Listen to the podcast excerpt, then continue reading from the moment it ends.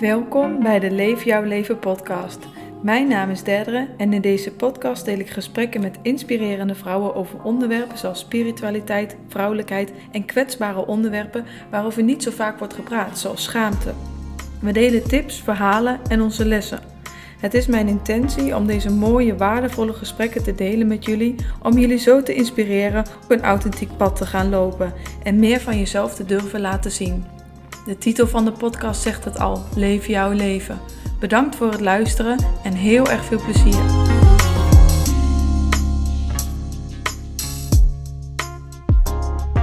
Welkom lieve mensen bij de Leef jouw leven podcast. Vandaag ben ik met Nora van In de Sterren. En Nora is astroloog en ik zag net op jouw Instagram ook historicus. En dat kun je ook wel zien aan de mooie dingen in je huis, maar ook de plaatjes op je Instagram. Dus dat vond ik wel leuk uh, om te zien. Dank je. En ehm, ja, een tijd geleden ehm, voor de podcast stem ik altijd een beetje af van voor, met wie ga ik een podcast opnemen en waarover is dat leuk. En we hadden elkaar nog nooit gesproken, maar je bleef steeds in me opkomen. Dus ik heb je gewoon een berichtje gestuurd en uh, here we are. Dus dank je wel voor je vertrouwen ook. Nou, ik vind het alleen maar leuk om uh, vandaag hierover te kunnen praten. Dus uh, ja, tof. Ik ben gewoon heel benieuwd als eerste van, hoe is astrologie op je pad gekomen? Ja, goede vraag. Eigenlijk kan ik het exacte moment niet echt meer herinneren, maar het was sowieso op de middelbare school.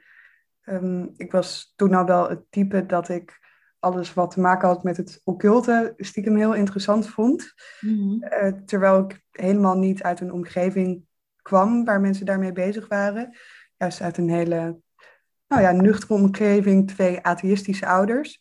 En op een heel, ja, in een heel christelijk dorp zat ik op school dan weer.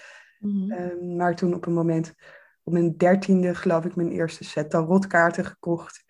En later mijn, ja, mijn eerste Google-sessies naar astrologie gedaan. En ben ik daar op den duur een beetje ingegroeid. Um, ik had zelf wel ook een lastige puberteit. Ik ben gepest op de middelbare school, veel eenzaam gevoeld, van school veranderd. En toen heeft astrologie me eigenlijk al een beetje de handvaten gegeven om mezelf beter te begrijpen en ook om mijn eigen emoties beter te begrijpen.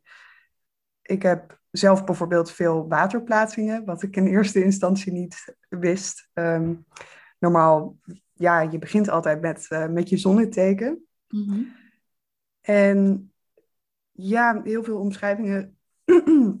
sorry. Heel veel omschrijvingen gaven me toen wel echt inzichten in wie je dan in essentie bent en de voordelen en de nadelen ervan. Dus leerde me ook juist de voordelen van die gevoeligheid in te zien en van de kwetsbare, maar ook intuïtieve uh, kanten die horen bij de watertekens. En op die manier is dat eigenlijk zo ontstaan. Tijdens mijn studie is het alleen maar intenser eigenlijk geworden en las ik boek na boek daarover. En uh, wilde ik ook iedereen in mijn vriendengroep natuurlijk analyseren. Dat heb je altijd als mensen een beetje into astrologie of bijvoorbeeld human design waarschijnlijk uh, raken. En toen twee jaar geleden zei een vriend eigenlijk op een moment tegen me: Ja, uh, je bent hier echt iedere dag mee bezig. Het is meer dan een hobby eigenlijk. Het is eigenlijk zelfs een halve obsessie, zo te noemen. Mijn ascendant is schorpioen, dus uh, dat obsessieve heb ik niet zoveel moeite mee. Uh, niet dat er een soort crazy randje aan zit, maar ik krijg vaak de vraag van hoe heb je het doorzettingsvermogen om dit allemaal te leren door zelfstudie? Of hoe zorg je ervoor dat je de discipline opbrengt om hier een paar boeken per week over te lezen? Maar voor mij is het echt gewoon ontspannen en nou ja, ik kan er eindeloos over doorgaan. Um, en bij wijze van in het weekend zit ik ook met heel veel plezier lastige boeken daarover te lezen. Mm-hmm. Um, dus dat was echt meer dan een hobby geworden. En toen dacht ik eigenlijk zelf ook, ja, waarom niet? Moet je natuurlijk eerst wel over de spirituele schaamte een beetje heen stappen. Dus eerst nog met een apart Instagram-account, waar eigenlijk bijna niemand van wist. En toen langzaamaan steeds meer uit de schaduw stappen en van jezelf laten zien. Um, vrij snel wel readings aan gaan bieden. Eerst ging ik nog wel eens met de trein dan naar iemand toe. En ehm, kon dat uren duren. En toen langzamerhand werd dat steeds, ja, werden dat er steeds meer en werd het steeds systematischer, zo te zeggen. Ehm, en op dit moment heb ik al, nou ja, een jaar lang dat ik gewoon iedere week regelmatig die readings geef om inzicht te geven in hoe je geboorteprofiel er nu uitziet. Maar ook wat je voorspellingen zijn bijvoorbeeld. Ik bied het nu tijdelijk even niet aan vanwege drukte. Mm. gisteren zijn, is toevallig een horoscopen podcast in de lucht gegaan die ik ook schrijf. Dus die kan je nu ook, uh, die ik ook schrijf. Dus die kan je nu ook vinden. Dus ehm, ja, het is allemaal wel vrij snel gegaan. Ja, en ook heel uh, natuurlijk. Het is gewoon uh, waar jij je passie hebt het, en dat is gaan stromen. Ja. Gewoon door het te volgen. Ja, zeker. En dat merkt mijn omgeving ook wel echt. Ik had aan het begin van deze hele interesse, of in ieder geval die twee jaar geleden, ehm, dacht ik nog bij mijn ouders van, oh, die denken, heb je haar weer met haar rare hobby? Die zijn allebei tweelingen. Daar wordt wel eens van gezegd dat ze eigenlijk, ehm, nou ja, dat zijn de meer rationele en kritische types. En in memes zie je ook vaak uh, dat die het minst zouden geloven in astrologie, zo te zeggen. Mhm. Nu denk ik daar niet zo zwart-wit over, maar dat is een beetje het stereotype. Ehm, dus die vonden dat altijd maar onzin. Maar ja, ik kan er gewoon niet over ophouden. Dus die hebben ondertussen halve ja, lessen of colleges daarover gehad. En toen, vorige zomer, had ik het daar ook weer over en over. En had ik weer in het zwembad boeken over astrologie te lezen. En toen zei mijn moeder op den duur van... Ja, volgens mij heb jij echt een soort van passie gevonden. Van dit is het gewoon voor je, mhm. of niet? En toen vroeg ze mij nog van waarom ben je eigenlijk zo gericht op dat het onderzoek in willen gaan? Uh, dat was altijd een grote ambitie van me. Um, met mijn geschiedenisstudieachtergrond dan. Ja. Want het is toch gewoon heel duidelijk dat, dat jij gewoon één ding hebt wat het helemaal is waar je goed in bent, uh, waar je alleen maar meer over wil, uh, wil leren. En toen was ik zelf nog wel verbaasd van, nou, ik vind het best wat als je zegt, uh, nou dochter, word maar astroloog. Dat is je passie zo te zien. Succes. Maar, dus dat was wel mooi. Ja, hoe mooi dat je moeder dat ook gewoon zo kan zien, los van wat zij wel of niet gelooft. En is het dan ook zo, omdat je hun vaker iets over hun eigen uh, chart zegt, dat ze het ook wat meer geloven, tussen haakjes?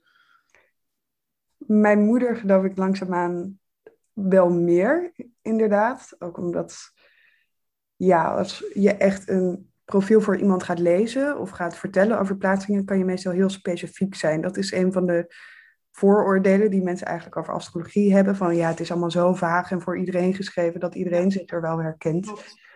Ja, maar ik, zo vaak. Ja, maar ik kan best wel vaak in een reading het hebben over hele specifieke gebeurtenissen die hebben plaatsgevonden. Of ehm, raden wat voor beroep je doet. Of ehm, de relatie met je ouders tot in detail omschrijven, om maar wat voorbeelden te geven. En mhm. dat heb ik ook wel bij mijn moeder gedaan. Van als je hier en daar en daar kijkt, dan zie je deze mijlpalen uit je verleden en waarom je het werk doet uh, dat je doet. En dat was, ja, toen begon ze toch wel te twijfelen of uh, het steeds interessanter te vinden. Nu gaat zij alsnog nooit zo'n hobby krijgen als ik. Ik denk dat ze het hoogheid uh, interessant vindt als ik erover vertel. Ja, precies. Maar dat is natuurlijk wel de, ja, de kracht die aanspreekt. Juist als mensen sceptisch zijn, zeggen van, uh, oh, mag ik even kijken dan? En beginnen met omschrijven. En dan heb je toch wel snel van, oh, oh, ja, ja. Dat mensen zich gezien voelen. En dan is het best wel lastig om kritisch te blijven. Ja. Ja, en het is natuurlijk wel wat anders dan... Uh Vroeger ging ik altijd naar de supermarkt en dan ging ik in de hitkrant volgens mij de horoscoop lezen. Dat vond ik echt mijn, uh, een van de leukste onderdelen van elke tijdschrift. Ik ging gewoon tijdschriften kopen om die horoscoop. Maar ja. daar heb je natuurlijk wel heel vaak dat mensen zeggen, ja, het is zo, zo ehm, breed omschreven, dat kan iedereen zijn. Maar eigenlijk, toen ik pas ging leren over human design en door human design weer interesse kreeg in astrologie, Mm dacht ik van, wow, het is echt veel meer en het is echt mega diepgaand. Je kan echt oneindig blijven graven in die astrologie. Ja, dat klopt. Het is enerzijds een systeem, dus je kan de kaders van het systeem leren. Je kan de know-how krijgen van hoe zit deze taal in elkaar. Maar je bent inderdaad nooit uitgeleerd. Ik hoorde een andere astroloog eens in een podcast zeggen: um, Ik zou hier nog meerdere levens in door kunnen leren. Dat, ja. dat is astrologie ook. En dat vind ik ook een heel aantrekkelijk iets eraan. Ja. Hoe, hoe oud is astrologie eigenlijk? Ja, echt uh, heel oud. um, het van wat we weten begonnen de oude Babyloniërs daar eigenlijk al mee. Ja. En is het voor ons, zoals we het nu kennen, groot geworden door de Romeinen en de Grieken. De Babyloniërs die werkten meer met de sterren. En ehm, dat doen traditionele astrologen alsnog wel. En ehm, bepaalde bekende sterren, daar hoor je nog wel eens wat van. Maar is wat minder bekend deze dagen. Maar zoals we nu doen, dat is meer een, um, ja, een Grieks-Romeins fenomeen. Dus dat is ook wel echt, het heeft nogal een, een geschiedenis. Het wordt ook wel eens, ja, een van de oudste of misschien toch wel de oudste wetenschap of kunst genoemd die we hebben. Mm Dat het zo een natuurlijk iets is voor mensen om naar de hemel te kijken en te denken, waar zijn we eigenlijk? Wat betekent dit allemaal? Ja, ja. En wat ik ook mooi vind, is dat het niet alleen maar voortkomt uit één cultuur of altijd bij één cultuur is gebleven. Dus niet alleen de Babyloniërs of de Griekse cultuur die zich in Europa verder heeft ontwikkeld, maar je hebt natuurlijk ook de, de Chinese astrologie, de Indiase astrologie. Er zijn mm. zoveel vormen in verschillende tijdperken opgekomen dat je echt kan zien, nou ja, als je kijkt naar de geschiedenis, dat er altijd een behoefte is geweest of dat het kennelijk dus echt heel natuurlijk is voor mensen om uh, iets met die sterren of iets met die hemel te willen doen. Ja, ik vind het altijd best wel grappig dat het dan nu tegenwoordig wel eens wordt bestempeld als zweverig of ehm, alleen voor spirituele mensen, terwijl het dus al zo lang bij de mensheid is en eigenlijk heel natuurlijk is als je het zo vertelt. Ja, precies. En eigenlijk ehm, is dat pas nou ja, in de, in de 19e eeuw zou je kunnen zeggen, um, is er echt een switch geweest van, oké, we nemen dit niet meer serieus. Je zou ook kunnen zeggen, in de verlichting werd het al steeds meer bekritiseerd. Ja. Maar voor die tijd waren veel astronomen um, ook, uh, ook astroloog, zo te zeggen. Dus de grote namen die je kent, ook bijvoorbeeld een, uh, Isaac Newton was ook een astroloog. En Galileo was ook astroloog. Dus um, ja, dat uh, was ooit gebruikelijk voor de grote astronomen en natuurwetenschappers in dit geval. Dus heel lang is het eigenlijk nog niet zo dat uh, astrologie toch een beetje in het hoekje van de kwakzalverij wordt gezet. Ja, en ik vind ook wel dat het de laatste um, ja, jaren, misschien jaar ook vooral met, met de corona, mensen kwamen thuis te zitten je wordt toch geconfronteerd met bepaalde patronen die je hebt, dat je toch wat meer gaat nadenken van, ja, oh, maar wie ben ik eigenlijk en wat wil ik eigenlijk?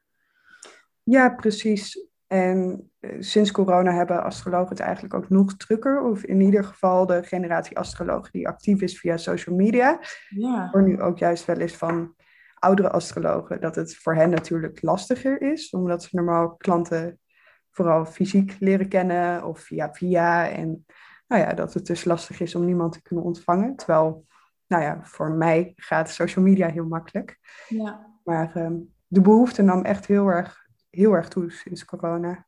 Dus ja. Hoe heb jij dat zo gemerkt? Zijn, komen mensen ook nu met andere vragen naar je toe? Nee, meestal blijft het toch wel bij dezelfde thema's. Maar ik denk dat corona er wel voor heeft gezorgd dat je eigenlijk een beetje gedwongen bent geraakt om naar binnen te gaan. Letterlijk en figuurlijk. En dan zit je maar zo met jezelf thuis. En uh, kan het ook lastiger zijn om de grote vragen die je hebt uit te stellen of te verdrukken of te negeren. Um, dus ik denk dat dat wel heeft meegespeeld. Misschien ook een beetje verveling. Dat het hoeft niet altijd heel diepgravend te zijn. Maar de vragen blijven over het algemeen wel hetzelfde. De meeste mensen zijn gewoon benieuwd naar, ehm, naar werk en relaties, de twee bekende thema's. Dus ehm, ja. En niet ehm, levensmissie of purpose, hoe je het dan ook maar wil noemen? Ja, die hoor ik ook wel eens. Maar er zijn wel, geloof ik, meer mensen met een praktischere inslag. Mhm. En ik ben zelf ook wel het type dat op het moment dat het gaat over die levensmissies en nou ja, de punten van de zuidelijke en de noordelijke maanknoop, dat ik altijd een beetje het zo spiritueel maak als je het wil hebben bij wijze van, ja. of van je kan het op een hele praktische manier interpreteren. Dan gaat het over je valkuilen en wat er buiten je comfortzone ligt en je nog meer mag ontwikkelen. Maar ik zal je ook even de spirituele en vroege levensgerelateerde duiding erbij geven. Altijd interessant of je nou wel of niet in gelooft. Maar mm dat denk ik zelf ook altijd wel van. Ook al geloof je niet in vroege levens, je bent toch wel benieuwd naar wat iemand daarover te zeggen zou hebben, denk ik. Ja, ja überhaupt denk ik als je open staat voor astrologie en je komt al bij een astroloog, dat je al wel wat meer open staat voor uh, nog, nog meer spirituele dingen. Ja, waarom niet? Ja. Maar leuk, kun je wat meer vertellen over die noordelijke en de zuidelijke maakknoop? Want ik ben dus altijd zo iemand geweest die denk ik al vanaf... Ik dacht daar laatst nog over na en zo is human design ook op mijn pad gekomen. Ik heb altijd al, ik heb altijd me afgevraagd van wie ben ik? En ehm, waarom ben ik hier? Zeg maar. Ik heb altijd zo'n gevoel gehad van volgens mij heeft iedereen een grote plan waarom we hier zijn. Het kan niet alleen het leven zijn. Dus ik was wel altijd met die um, purpose vragen bezig. Ja. Ja. Maar kun je wat meer vertellen hoe de noordelijke en de zuidelijke maanknoop daarin helderheid kunnen geven? wat zijn het überhaupt? Ehm, ja, het zijn eigenlijk twee, uh, twee punten dus het zijn geen uh, concrete hemellichamen, zo te zeggen. Ja. En ze worden met name binnen de evolutionaire astrologie eigenlijk heel belangrijk gemaakt. De evolutionaire astrologie is een stroming die heel sterk gericht is op volgende levens, volgende levens, missies. Um, dat echt als een soort keten ziet. Dus mhm. veel minder bezig is met het praktische. Ehm, hoe moet ik omgaan met deze collega? Of uh, mijn vriend doet vervelend, heeft dat te maken met zijn Venus? Eh, eh, dat soort dingen. Uh, dus dat is veel spiritueler eigenlijk allemaal.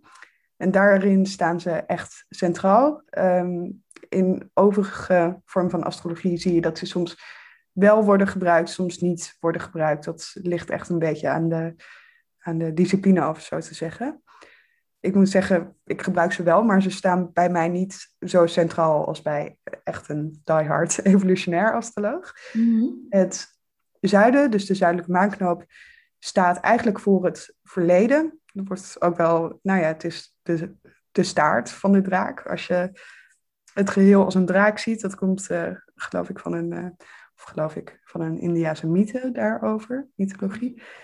Um, en die staat voor wat je eigenlijk al kan, wat je hebt gedaan, patronen uit vorige levens. Dus hij kan ook een thema aangeven van uh, dit heb je vaker meegemaakt in vorige levens en daarom heb je deze patronen ontwikkeld. Um, bijvoorbeeld, als je een zuidelijke maanknoop in Ram hebt staan, dan zie je vaak iemand die in vorige levens veel heeft moeten strijden, uh, zijn eigen hachje heeft moeten redden. Uh, misschien wel een militaire achtergrond bij wijze van heeft gehad. Mhm. Zo zou je hem kunnen interpreteren. Ligt ook wel aan het huis. Um, maar staat tegelijkertijd dus ook een beetje voor wat je mag loslaten. Want het hele patroon van strijden kan je wel hebben doorgetrokken. Waardoor je dan ook vaak ziet dat iemand met een zuidelijke maanknoop in RAM nog best wel zelfdefensieve randjes kan hebben. En het, ook het diepgewortelde idee kan hebben Ehm, dat neerkomt op ik moet toch uiteindelijk alles alleen doen. Of ja, uiteindelijk. strijd. Ja, uiteindelijk kan ik alleen op mezelf vertrouwen. Mhm. Waar je ooit wellicht wat aan had, maar uh, volgens de astrologie in dit leven wat minder. En de noordelijke maakknoop gaat eigenlijk over het tegendeel ervan. Dus ze staan altijd lijnrecht tegenover elkaar in, uh, in je profiel. En die noordelijke maanknoop is meestal iets buiten je comfortzone. Ja. En Ik heb het ook al gelezen, maar ik weet het even niet meer. Jij hebt mijn, mijn chart voor je. Ik weet even niet meer. Ik heb er ooit over gelezen, maar toen ben ik het even weer vergeten. Mhm. Ehm, ja, jij hebt de noordelijke maanknoop ook in boogschutter. En ik zou hem zelf oh. rekenen tot het vierde huis. Dat ligt aan welk huizensysteem je gebruikt. Mhm. En dat is best wel een prettige plaatsing, omdat je ook je zon en maan in boogschutter hebt staan. Dus ja. je kan ook een meer uitdagende of een uh, minder uitdagende plaatsing hebben. Uh, ligt aan, aan de hand van je andere planeten. Ehm, maar die boogschutter gaat vaak toch wel sterk over het spirituele zoeken. De zoektocht naar de waarheid. Je hebt het zuiden in tweelingen staan. Dus dat gaat, die ontwikkeling gaat toch wel over de nuance en het constante afwegen en het van alles wat willen proberen, meer loslaten, maar echt op zoek gaan naar dat ultieme doel, zo te zeggen. En er zit ook vaak een uh, associatie bij met reizen, een letterlijke vorm van op zoek gaan. En dan maakt hij ook nog de ontwikkeling van het tiende in het zuiden uh, huis naar um, het vierde huis in het noorden. En het vierde huis wordt gezien als het huis van je wortels. Dus het is eigenlijk een beweging die bij jou zou gaan om toch in zekere zin afstand weten te nemen van wat andere mensen maatschappelijk succes noemen of prestige noemen. Dat is echt het tiende huis van zie mij en mijn status uh, en zie mij het gemaakt hebben in de wereld. Uh, en je meer toe te bewegen naar dus de kern van wie je bent. Ook het creëren van een fijne thuissituatie. Je veilig voelen bij jezelf eigenlijk. Um, dus een zekere warmte voor jezelf creëren, om zo maar te zeggen. Maar je dus mhm. ook een beetje afwenden, afwenden van ja, alle illusies die de maatschappij je, je kan wijsmaken. Nou ja, en zo heb je altijd een dynamiek tussen die twee. Moet ik wel zeggen dat ze meestal wat minder zeggen over je karakter, maar meer over ingesleten patronen, waarvan je zelf ook vaak niet weet waarom ze er zitten. Dus dat je vaak bijvoorbeeld geen directe uh, reden, uh, reden hebt om van jezelf heel ambitieus te zijn. Bijvoorbeeld dat je ouders dat helemaal niet van je hebben gevraagd. Of um, je bepaalde nou ja, patronen helemaal niet hebben opgelegd, zo te zeggen. Um, maar ja, dat zit dan er toch ergens in? Of is iets karmisch? En het karakter lees je eigenlijk meer af aan de planeten. Dat is eigenlijk je gereedschapskist om die missie te, ja, te vervullen, zo te zeggen. En daarbij zou je kunnen zeggen dat jij best wel blij kan zijn met je gereedschapskist, omdat je al die boogschutterplaatsingen hebt. Ja, als in je bent best wel bekend al met de boogschutter-energie. Ja, die energie die hoort ook bij je. Ja, ja. Oh, dit vind ik wel echt een hele leuke omschrijving van. Uh, want als je voor het eerst, tenminste, ik heb het boek, ge, ik was begonnen met het boek Leven met de Sterren. Mm En um, dan ga je dus eerst lezen over die dierenrimtekens en toen over de planeet en toen over de huis. En toen dacht ik, oké, hoe combineer ik dit allemaal? Maar dit vind ik wel een hele mooie omschrijving weer van je, je planeten zijn eigenlijk je gereedschapskist. Weet je, dan kun je het weer een beetje in je hoofd, tenminste kan ik het dan op orde krijgen van, oh ja, dat is dat, dat is dat. Mhm. En ik moet wel heel erg lachen om wat je eigenlijk vertelt nu, want ehm, letterlijk mijn bedrijf heet Leef jouw leven en wat mijn missie daarmee is, is mensen terugbrengen naar hunzelf en naar die warmte in hunzelf vinden en los van ehm, buiten de lijntjes van wat de maatschappij van je wil. Dus dat, dat, uh, dat raakt me ook wel ja, je zou kunnen zeggen dat het heel mooi in, in lijn ligt met wat die maanknopen je proberen te vertellen. Ja, ja, echt wel. Uh, uh, ja. Elke keer zijn het weer puzzelstukjes die dan zo samenvallen. Mm Ja, dat kan echt verslavend zijn. ja. ja, want wat heeft astrologie jou uh, gebracht? Heel veel zelfinzicht niet dat ik nu op dit moment een perfect verlicht mens ben. Echt alles behalve. Wel. maar het heeft me wel van, nou ja, best wel donkere fases in mijn leven naar meer zelfacceptatie en optimisme gebracht. Ik ben dus wel, als, met name als puber, uh, heb ik echt slecht in mijn vel gezeten. Ook uh, depressies gehad, dat soort dingen. En Nu wil ik niet zo zeggen van, oh, ga aan de astrologie en dan raak je depressie opgelost, want dat vind ik nogal destructief advies, zo te zeggen. Maar het kan je vooral laten zien, ehm, ja, wat, oké, hoe, zeg, hoe zeg ik dit? Op het moment dat je heel slecht in je vel zit, denk je meestal, er is van alles mis met me. En de astrologie kan je laten zien, dit wat jij ziet als mis, daar zit net zo goed een potentie in. En dat vind ik een van de mooiste dingen eraan. Dat iedere plaatsing zijn voordelen en zijn nadelen heeft. En jou eigenlijk de vraag stelt: oké, wil je de rest van je leven al deze nadelen gaan ervaren? Of een beetje in je sop gaar koken vol zelfmeelij? Mm Of wil je op zoek gaan naar de voordelen van deze plaatsing? Ehm, en voor mij heeft dat het ook concreet gemaakt. Dat het echt voelt als een, een uitdaging. Um, om al die uh, potentie eruit te halen, om het beste ervan te maken. En dat geeft me ook heel veel voldoening. En eigenlijk kan je bij iedere planeet wel een voorbeeld nemen van nou ja, wat de onderontwikkelde kant is, welke potentie erin zit en hoe ik daar zelf in mijn leven tegenaan ben uh, gelopen. Mm Misschien bijvoorbeeld dat jij ook een Mars in kreeft hebt staan. In klassieke zin liggen de planeten Mars en het teken kreeft elkaar eigenlijk helemaal niet. Dat is niet uh, de beste combinatie uh, origineel. Nu moet ik zeggen, denken in goede of slechte combinaties hoort vooral bij de traditionele astrologie. Dat heeft de moderne psychologische astrologie enigszins losgelaten. Um, maar het, het, blijft een uitdagende, omdat Mars eigenlijk de, de god is van de oorlog, maar ook staat voor je innerlijke vuur, actie wil voeren. Ja. Hij is meestal sterk aanwezig uh, als je aan het werk bent, zo te zeggen. Mm-hmm. En uh, kreeft een meer passief en vrouwelijk teken is, wordt geregeerd door de maan ook. Dus dat, die wordt wel eens geassocieerd met innerlijk conflict, um, veel oppikken van andere mensen, maar het heel moeilijk vinden om het uit te spreken. En die heb ik dan op de werkvloer veel gemerkt. Ja. Ik heb wel Mars in het, in het tiende huis, in het huis van carrière. En meer van die carrièregerichte plaatsingen. Dus ehm, wel veel baantjes gehad. En ook tijdens mijn studententijd dat ik dat al heel serieus nam. En ook al meer verdiende dan uh, andere studenten, zo te zeggen. Dus ik wilde het heel graag. Maar die, die kreeft die bleef maar lastig doen. Want een kantoor tuin werkte gewoon niet. En ik pikte emoties van iedereen om me heen op. En ik uh, voelde me heel snel onzeker. En ik stoorde me aan heel veel kleine dingetjes. En dan met name die toneelstukjes die een beetje worden gevoerd op zo'n kantoor. Van dat mensen heel aardig tegen elkaar doen, terwijl ze elkaar eigenlijk mogen. En dat soort uh, dingetjes. Het voelde allemaal een beetje... Uh, misplaatst. Weet je wel, alsof iedereen de gebruiksinstructie uh, heeft gekregen, behalve jij. Dat, zo wordt dat gevoel eigenlijk ook omschreven als een planeet en een, en een uh, teken gewoon clashen. Ja. Uh, je zou kunnen zeggen, Mars is het slagveld.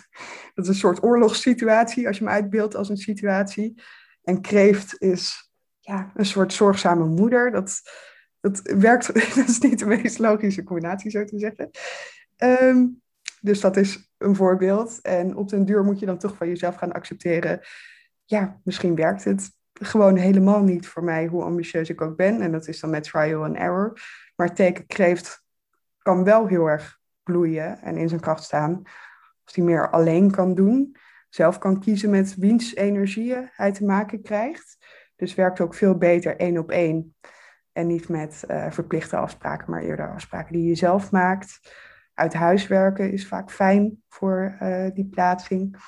En dat heb ik ook weer in astrologie als mijn bedrijfje gevonden. Dat mijn Mars in Kreeft eigenlijk hartstikke tevreden is. En op het moment dat hij eigenlijk heeft wat hij nodig heeft om zich veilig te...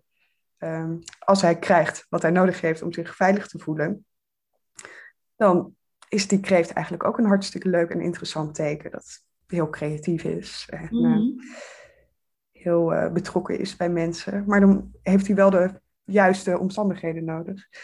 Dus dat is het ook wel een beetje geweest. Steeds zoeken naar wat zijn de juiste omstandigheden die ik kan creëren, zodat deze energie optimaal uh, ja, kan bloeien hoe kunnen beide types floreren? Zeg maar? Hoe krijg je genoeg uitdaging voor die Mars? Ehm, maar raak je, kan die vrouwelijke kreeft nog wel haar eigen ding doen? Ja, zo zou je het een beetje kunnen, kunnen zeggen. Bij mij is het dan denk vooral de clash tussen dat er enerzijds veel ambitie zit in mijn profiel, maar als je ambitieus bent in deze maatschappij, dan wordt het vaak op een bepaalde manier voor je ingevuld. Van, ja. Je wordt alleen heel succesvol als je bij zo'n soort bedrijf gaat werken, of het op deze manier doet, of in die sector gaat, et cetera. En ja, dan moet je toch een manier voor jezelf zien uh, te vinden om uh, je daarvan los te maken, van al dat soort overtuigingen en ideeën die uh, de lucht hangen. Daar word je ook wel bewust van, van wat voor illusies we allemaal hebben over hoe een mens zou moeten zijn. Ook in de dagelijkse omgang met elkaar, wat we van elkaar verwachten, waar eigenlijk niet zoveel ruimte is voor nog. Dus bijvoorbeeld het hele vrouwelijke hebben mhm.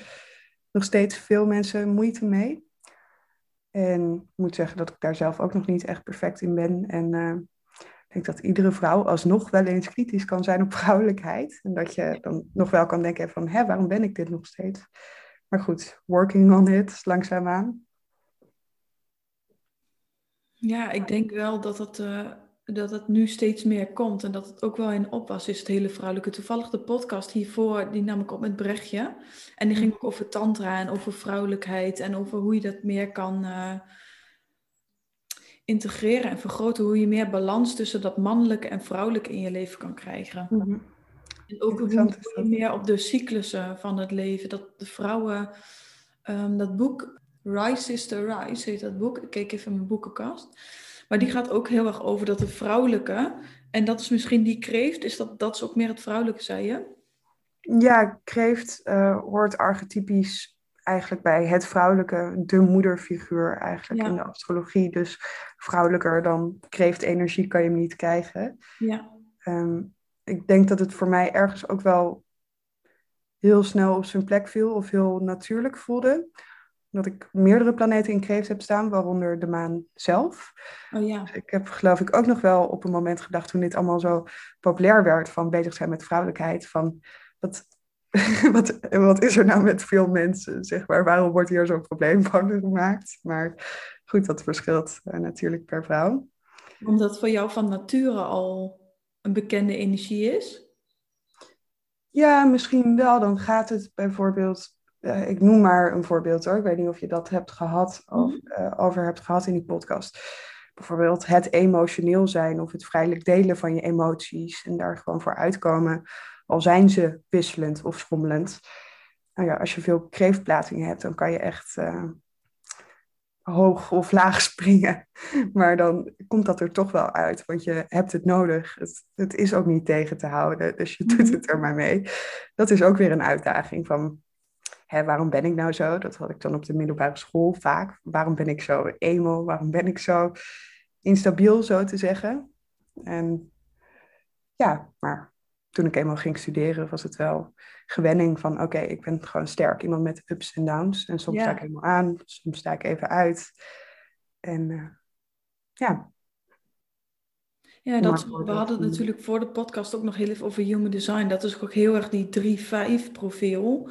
Is dat up en down? En, um, en ik weet niet hoe je solar plexus is. Dus je hebt dan in human design, dat is weer heel erg gelinkt aan het chakra systeem. Met de mm centra. En dat is zelf ook waar mijn uh, expertise of passie ligt, hoe je het ook maar wil noemen. Maar dat centrum maakt ook weer superveel uit welke geactiveerde energie jij in je emotionele centrum hebt, of die open of gesloten is. Ja, dat gaat gewoon maken dat je gigantisch veel emoties ervaart in het leven. Maar als je kijkt op het diepste niveau, um, leren die emoties je alleen maar iets.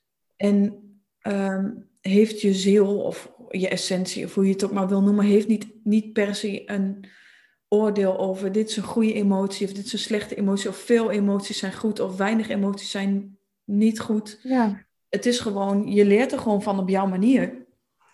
Ja, precies. Ehm, en bijvoorbeeld een evolutionair astroloog, Stephen Forrest, heeft er een heel mooi boek over geschreven, The Book of Water. Dan betrek je het wel tot astrologie, maar je zou het eigenlijk ook als, als je niet bezig bent met astrologie kunnen lezen, want het is gewoon een heel mooi boek over die emoties.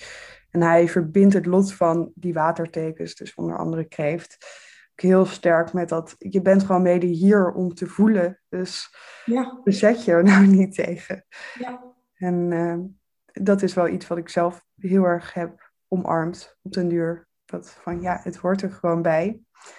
Maar je moet er ook wel naar gaan leven. Ik heb zelf toch wel sterk dat ik. Nou, er zijn heel veel vrouwen die dat ook hebben natuurlijk. Andermans emoties oppik heel snel.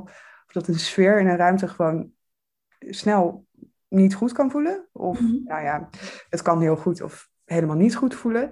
Terwijl andere mensen dat niet lijken te merken. Of ehm, dat je denkt, ben ik hier nou de enige in ben? Uh, ben ik hier nou de enige in? Voorgevoelens hebben, al dat soort dingen. Waarvan je aan het begin kan denken, wat moet ik hier nou precies mee? En waarom kan mijn lijf bij wijze van niet gewoon normaal doen? Uh, zodat ik functioneer hierin. Snel overprikkeld zijn, nou ja, hoogsensitiviteit, dat uh, kennen we ondertussen allemaal wel.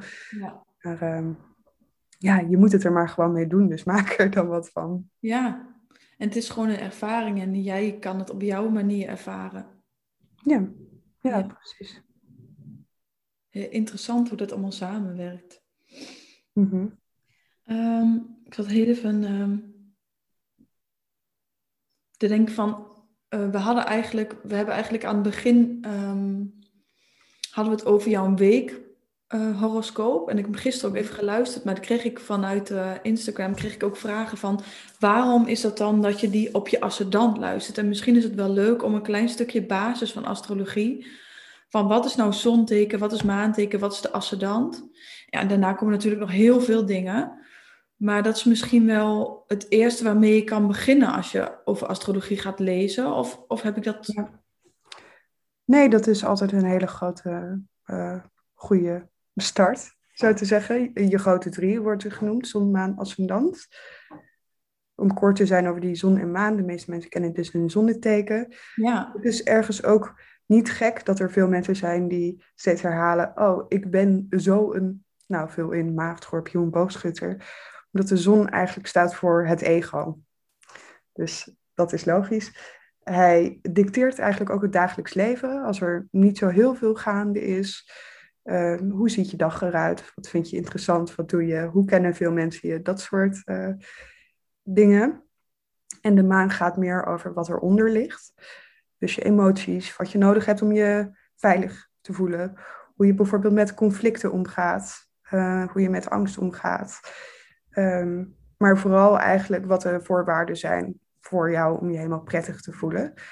En je zou kunnen zeggen dat hoe meer je in een crisis zit of hoe instabieler het eigenlijk allemaal is, hoe meer die maan naar voren komt. Dus ook als je een slecht humeur hebt, het hoeft niet allemaal heel dramatisch te zijn, dan kan de maan meer naar voren komen. Mm Dus leren over je maanteken kan heel goede inzichten geven in ja, wat je behoeftes nu eigenlijk zijn, waar jij je fijn bij voelt, wat je nodig hebt. En daar is de zon wat oppervlakkiger in. Nou ja, die zon die wil natuurlijk ook een missie voltooien in de wereld. Maar de maan is meer iets om te koesteren, zo te zeggen. En je ascendant is het teken dat eigenlijk reizende was op het moment dat je ehm, geboren bent. Dus die kwam op.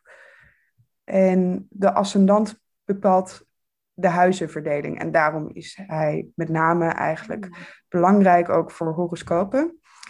En wat die huizen zijn, daar zijn mensen ook nog wel eens verward over. Eigenlijk hebben we, voor zolang wij weten, of in ieder geval de Grieken en de Romeinen deden het ook al, ehm, de gewoonte gehad om de hemel als kaart op te delen in twaalf verschillende huizen, die allemaal levensgebieden symboliseren. Dus je hebt een huis van geld, je hebt een huis van gezondheid, een huis van werk, eh, ook een huis van spiritualiteit, uh, een huis van gemeenschap voor alles heb je wel een huis, zou je kunnen zeggen. En die huizen zijn heel belangrijk bij het schrijven van een horoscoop. Want als je een horoscoop gaat schrijven, dan ga je dus eigenlijk na van, oké, wat gebeurt er deze week astrologisch? Nou ja, we hadden nu bijvoorbeeld een nieuwe maan in Ram gehad. Mhm. En het werkt nou niet echt om voor alle twaalf tekens te zeggen van, oh, nieuwe maan in Ram. Nou ja, er hangt voor iedereen wel een enthousiaste energie in de lucht. Dat is het wel. Maar natuurlijk ervaart iedereen die nieuwe maan anders. En dat heeft vaak te maken met in welk huis hij voor jou persoonlijk valt.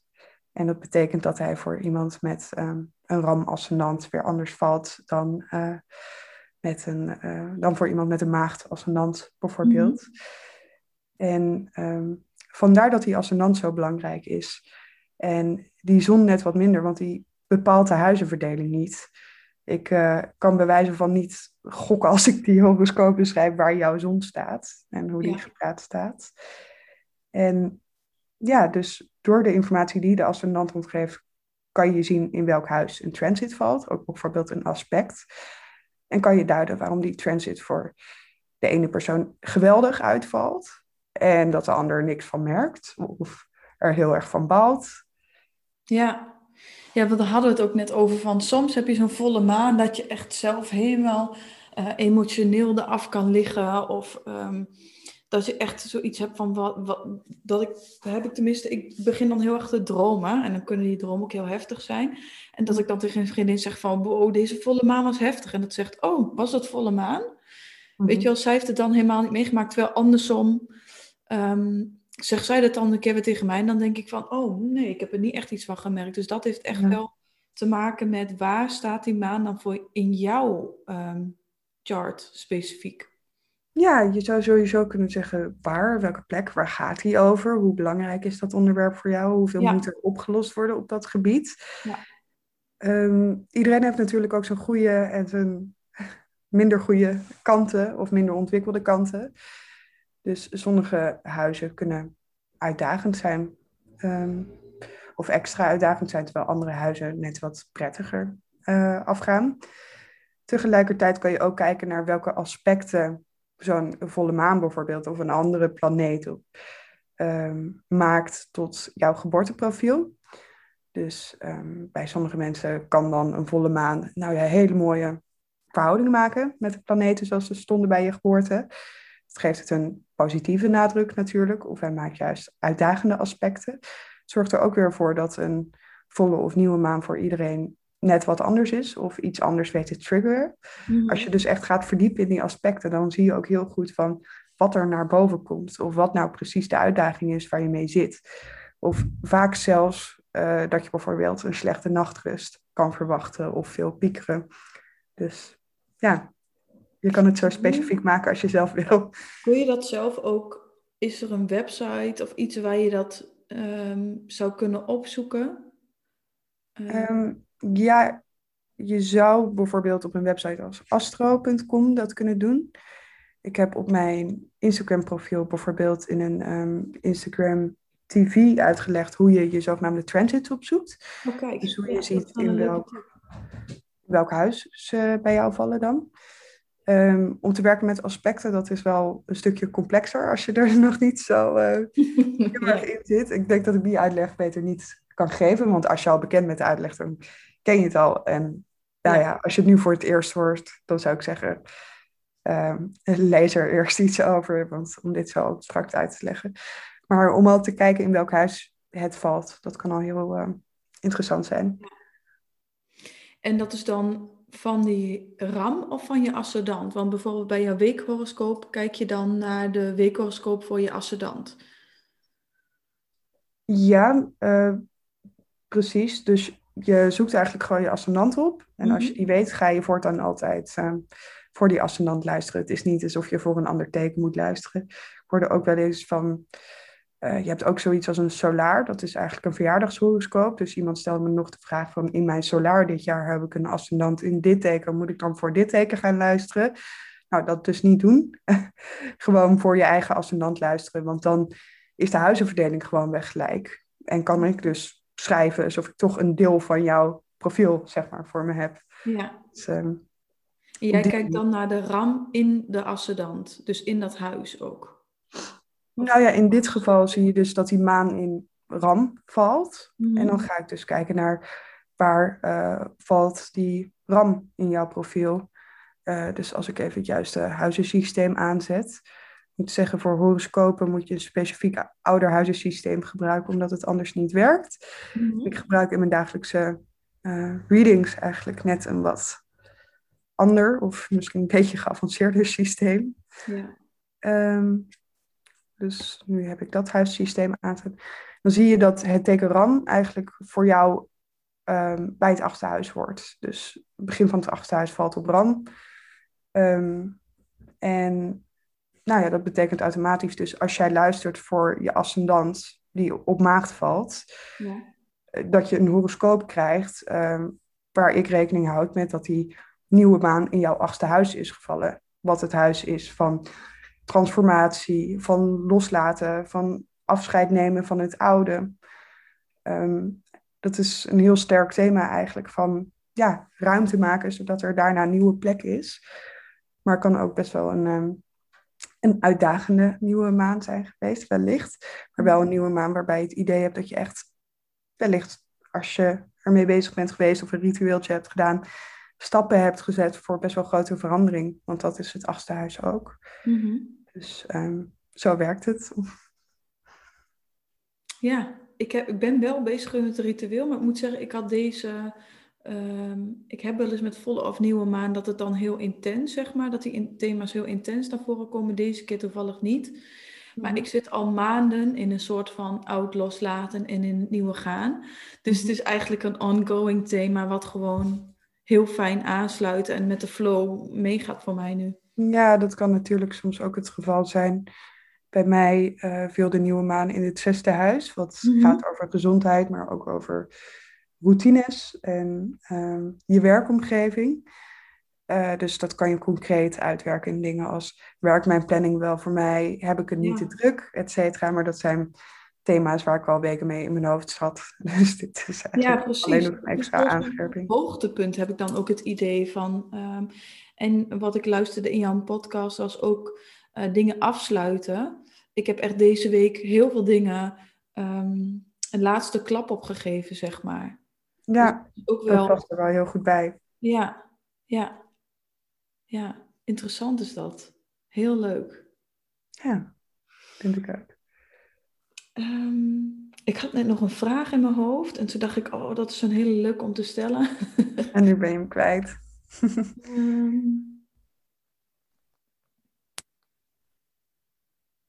ja, ik ben hem inderdaad kwijt. Ja, wat vind jij nog meer een heel leuk onderdeel van de, van de astrologie? Wat is jouw lievelingsonderdeel om zelf over te praten? Oeh, leuk hè? Ik hou erg van de planeten die nogal wat uitdagingen geven. Ehm, oh ja, dat was ook een vraag. Van wat zijn nou echt um, planeten om naar te kijken, zeg maar, als je begint met astrologie? Wat zijn dan interessante planeten om naar te kijken? Ik heb ook wel eens iets gelezen over de Chiron en over de Saturnus. Saturnus, daar wilde ik over vragen. Nu kom ik er weer op. Ehm, misschien kan ik eerst beantwoorden hoe dat zit met die lastige planeten en daarna ehm, eh, naar welke planeet je als eerst kan kijken. Want ik zou niet als eerst naar Saturnus gaan kijken. Meestal begin je gewoon met die grote drie. En dan word je misschien ook een beetje ontmoedigd als je eerst bezig gaat met eh, de negatieve thema's. Ja. Maar de reden waarom ik zelf zo houd van de uitdagende en ook een beetje de chaos scheppende planeten is juist omdat er de meeste potentie in zit. En daar had ik het net al over. Wat mij zo raakt en zo boeit ergens in astrologie is hoe kan ik deze uitdaging omzetten in een kwaliteit of in iets moois? Hoe kan ik ja, daar. Het is haast een soort alchemie, hè? van proberen van wat je al hebt nog iets beters te maken. Mm Misschien uh, is dat gewoon de kern die uh, mij heel erg aanspreekt. Um, trouwens, dat wordt ook wel eens gezegd dat het uh, teken maagd wordt geassocieerd met, uh, met alchemie en alchemisten, wat ik altijd wel een leuke duiding vind. Andere tekens zullen het er misschien niet mee eens zijn, maar... Uh, ik ook, ja. Um, ja, dus daar zit ook heel veel potentie in. En eigenlijk juist hoe meer uitdagingen, hoe interessanter, vind ik. Van hoe zit dit probleem in elkaar? Hoe ben je ermee omgegaan? Welke antwoorden Ehm, heb je erop. En natuurlijk is het wel geweldig om ook je kwaliteiten bevestigd te krijgen door je astrologie. Daar worden mensen ook heel blij van. Ik word er ook heel blij van als iemand iets positiefs zegt over mijn plaatsingen.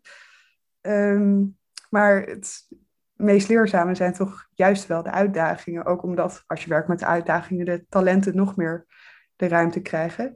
En Saturnus is eigenlijk de planeet van karma.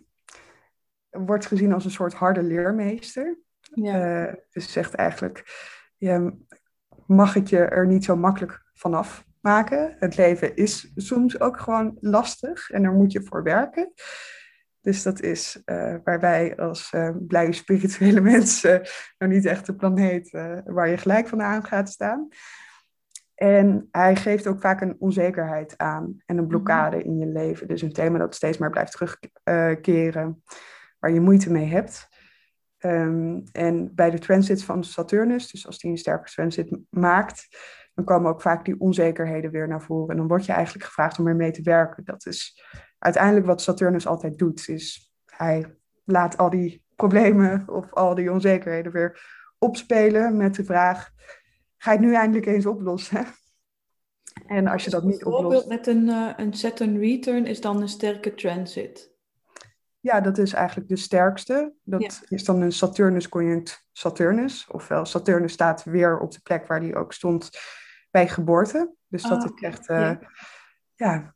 de diepste uh, Saturnus transit. En dan zie je ook heel vaak, je wordt letterlijk geconfronteerd met de verkeerde keuzes die je hebt gemaakt. We hadden het er al even over voor dit gesprek.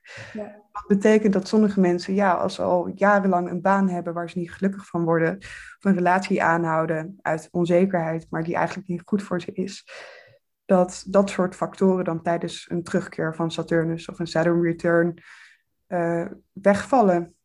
Want dan moet je het eigenlijk maar gewoon gaan oplossen, omdat die Saturnus transit zo hevig is. Dus dat kan een confrontatie zijn.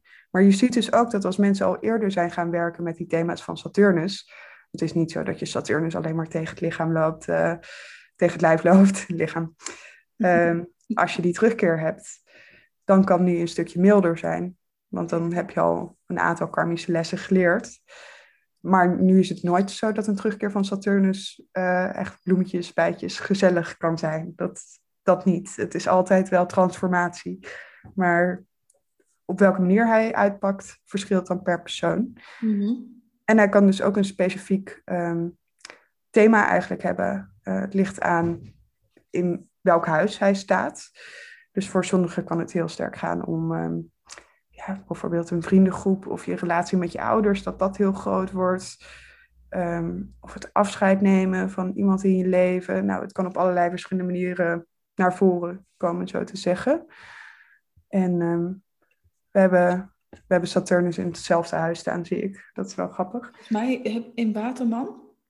Ja, jij hebt hem in Waterman. Ik ben iets jonger, dus ik heb hem in een ander teken staan. Maar wel allebei in het... Uh, of wil je dat ik dat zeg? Of vind je het nou, vervelend? Als, nee, nee, nee, nee, nee. In het zesde huis. Ja. En het zesde huis is ergens het huis van werk en routines. Maar ook van acts of service, van dienstbaarheid. Dus je ziet vaak dat mensen met Saturnus in het zesde huis liever um, werken aan de grote visies en iets belangrijks voor de wereld willen doen, dan dat ze de kleine klusjes oplossen of dat ze zich ja, dienstbaar opstellen om iets voor een ander te doen. Ze willen liever groot, belangrijk. En Saturnus in het zesde huis kan ook wel eens zorgen voor um, gedoe rond gezondheid. Dus bijvoorbeeld opgroeien met een zieke ouder of zelf een zwakke gezondheid hebben als kind. Um, of een andere negatieve associatie met gezondheid, waarbij als je Saturnus in het zesde huis hebt staan, je meestal echt een relatie met je lichaam moet gaan ontwikkelen van het is geen machine. ik moet daar ook goed voor zorgen. Ik ben niet alleen mijn geest. Uh, omdat er onbewust een dingetje kan zitten dat eigenlijk dat lichaam niet zo respecteert. En nou ja, hoe ver je bent op die reis en hoe die precies voor jou valt, dat verschilt natuurlijk per persoon. Waarschijnlijk hebben wij daar natuurlijk een heel ander verhaal in. Mm Maar, um, dus, dus als je gaat kijken naar bijvoorbeeld je Saturn return, dan is het belangrijk om te kijken in welk dierenriemteken staat hij en in welk huis. Of vooral welk huis. Ja, eigenlijk allebei, maar vooral dat huis kan iets persoonlijks zeggen, ja. Ja.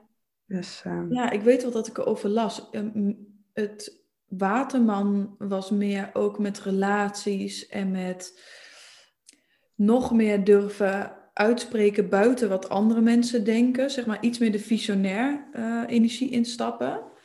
Wat ik soms ook wel heel spannend vind, dat durf ik ook wel hier te zeggen. Mhm. Ik heb denk ik best wel andere denkbeelden dan heel veel andere mensen. En net als jij ook wel spirituele schaamte gekend. Mhm. En nog wel eens, weet je wel, dat je nog niet helemaal zegt. Dus daar nog meer in stappen.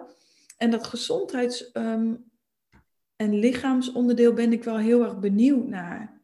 Ik merk zelf dat ik nog meer verbinding met mijn lichaam wil en nog meer wil voelen van, ja, wat is wel of niet voor mij? En dan kijk ik ook wel weer naar human design van, waar, hoe reageert mijn onderbuik met die ja en die nee? Waar krijg ik echt energie van?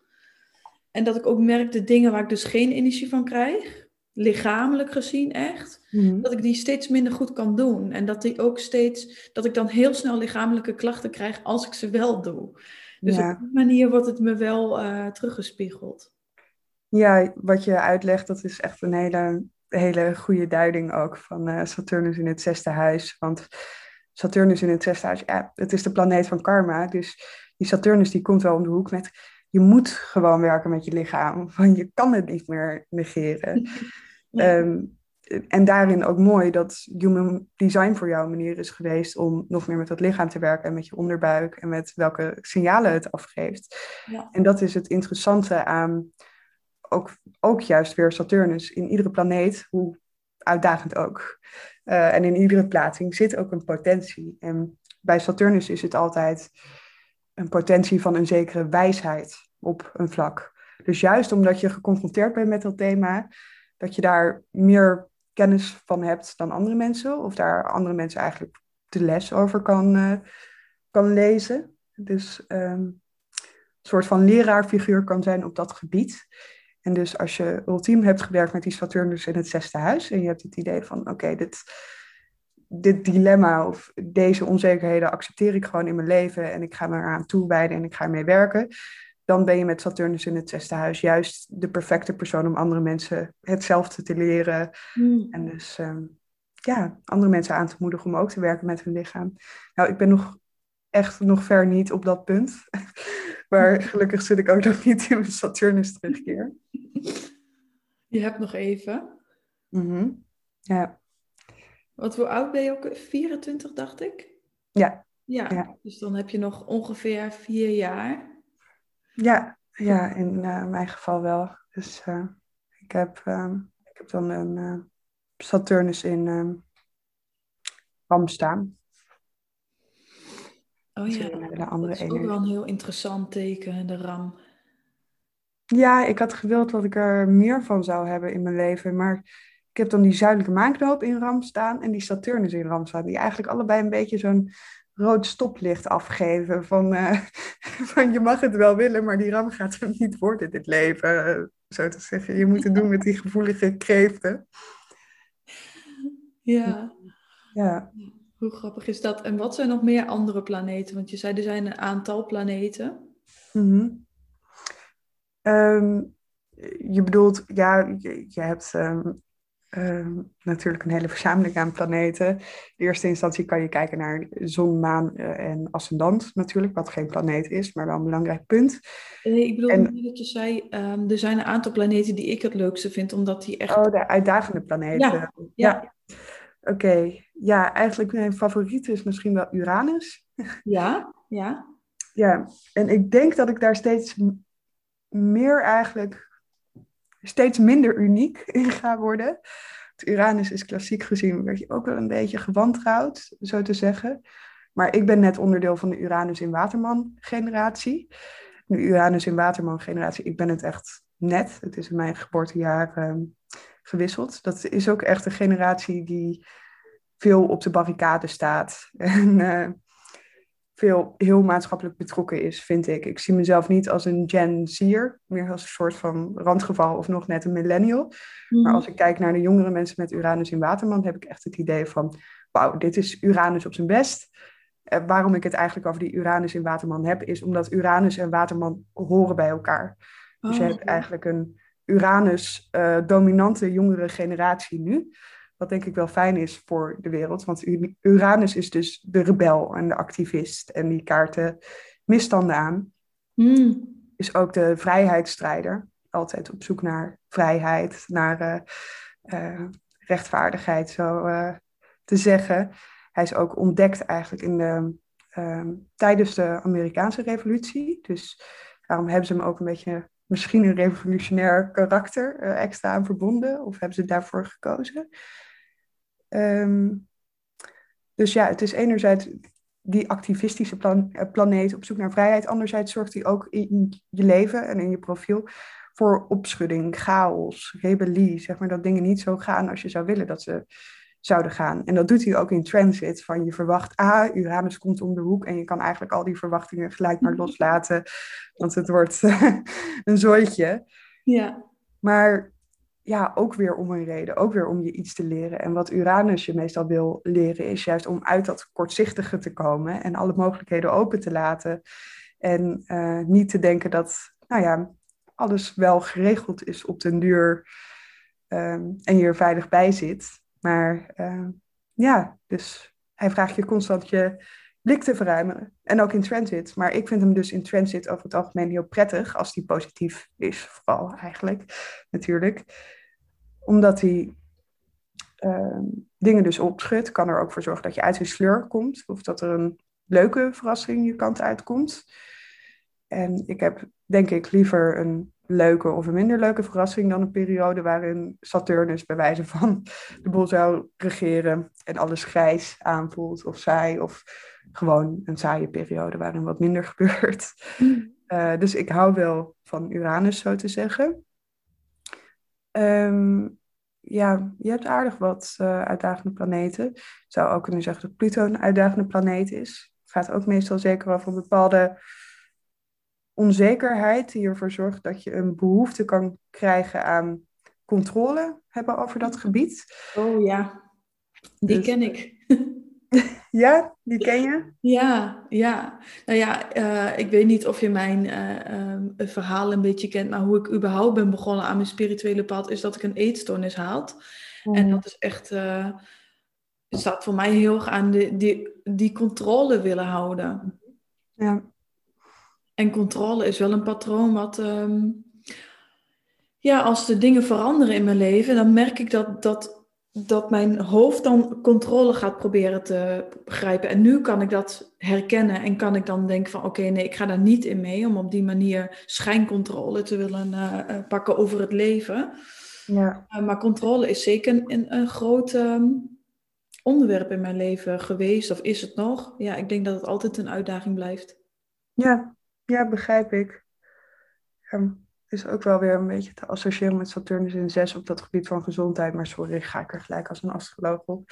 Niet dat ik echt medische situaties uh, uit een astrologisch profiel wil uh, lezen. Dat uh, vind ik een beetje risky. Mm -hmm. um, ja, die, die Pluto en zijn controle, hij kan bij sommige mensen ook sterker zijn als die sterk geaspecteerd of sterk, sterker aanwezig is. Maar je zou dus kunnen zeggen dat dat een beetje een obsessief gebiedje kan zijn mm-hmm. voor mensen. Tegelijkertijd komt dat dus altijd voort uit een onzekerheid. En dat is de manier om een onzekerheid eigenlijk te verdringen of om ermee om te gaan. En Pluto nodigt je dan weer uit om eigenlijk die obsessie een beetje los te gaan laten, zodat hij wel zijn werk uh, kan gaan doen. Mm-hmm. Want achter Pluto schuilt ergens ook een talent, iets natuurlijks, een transformatie op dat gebied. Pluto is de planeet van transformatie ook. Dus juist op het moment dat je het obsessieve loslaat, dan kan er een transformatie plaatsvinden, zo te zeggen. Mm -hmm. Ook heel herkenbaar en ook in mijn human design.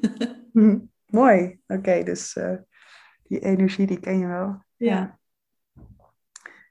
En ik, ja, ik kan soms wel heel enthousiast over Pluto vertellen.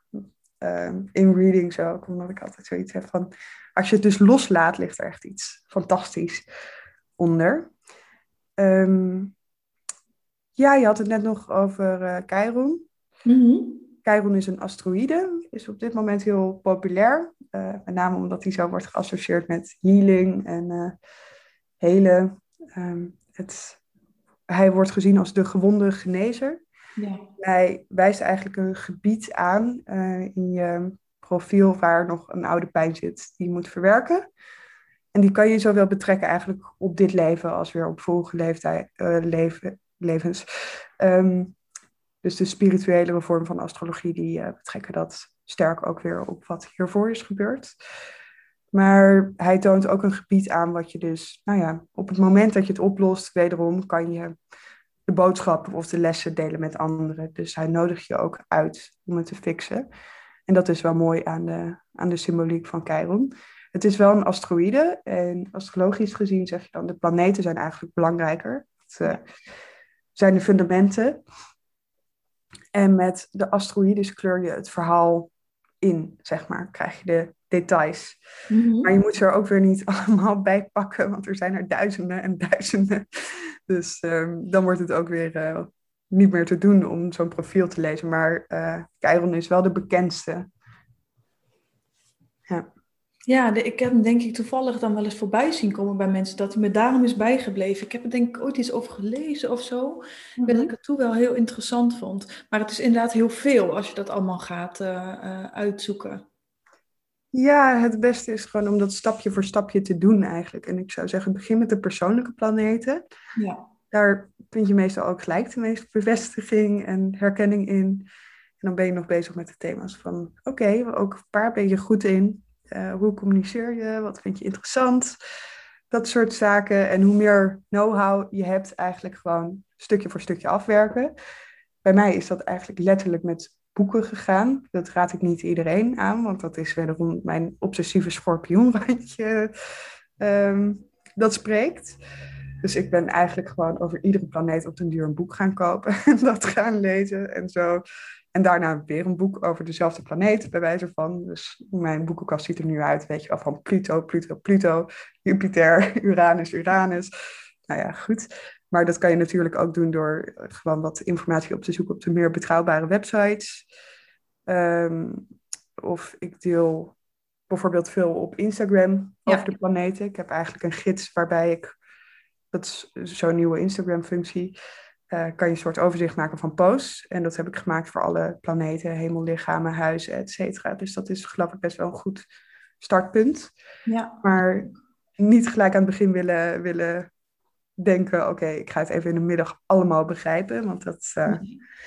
nogmaals, je kan er drie levens over doen. Ja, en wat zou je wel aanraden um, als je één tip zou mogen meegeven aan de mensen die nu luisteren? Waar denk je dan nu als eerste aan?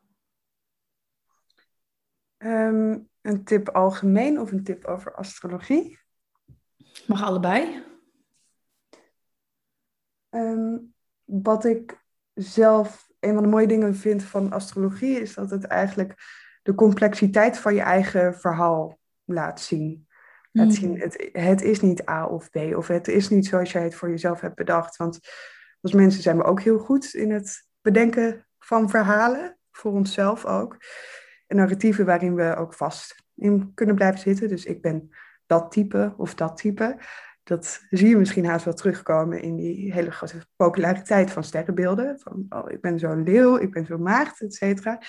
Maar je gehele profiel is een stuk complexer dan dat. En juist die diepte zien kan je eigenlijk herinneren aan je eigen veelzijdigheid en hoeveel potentie er is. Um, misschien dat ik dat nog even wilde meegeven. Mm, heel mooi. Dank je. En qua beginnen, ik heb bijvoorbeeld op mijn website een lijstje staan met uh, boekentips die je gewoon gratis kan downloaden.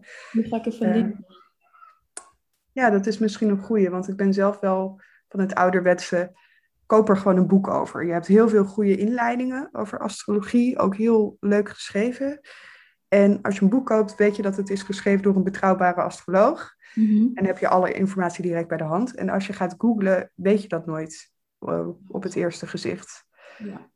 Um, dus dat bespaart je in die end, als je het echt goed wil leren of je profiel goed wil leren kennen, um, ook tijd. Omdat je gewoon in één keer een duidelijk overzicht hebt en in één keer weet, dit klopt, in plaats van dat je alles bij elkaar moet googlen.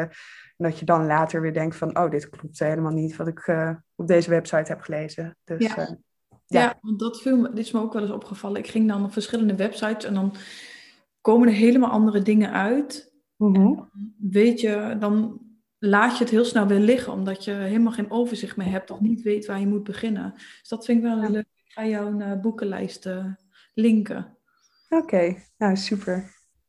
Ja. ja. Ik denk dat we ook maar gaan afsluiten, want ik zie dat we al eh, meer dan een uur weer aan het kletsen zijn. Dat vond super interessant.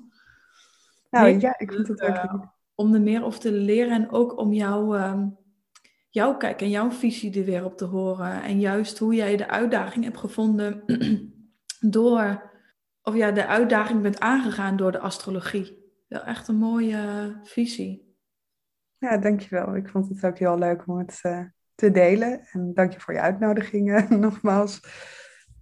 Ja, en voor de mensen die nog vragen aan ons hebben, die het leuk vonden om dit te luisteren, laat ons vooral weten. Als je vragen hebt, stuur ons gewoon een bericht. En uh, dank je wel voor het luisteren.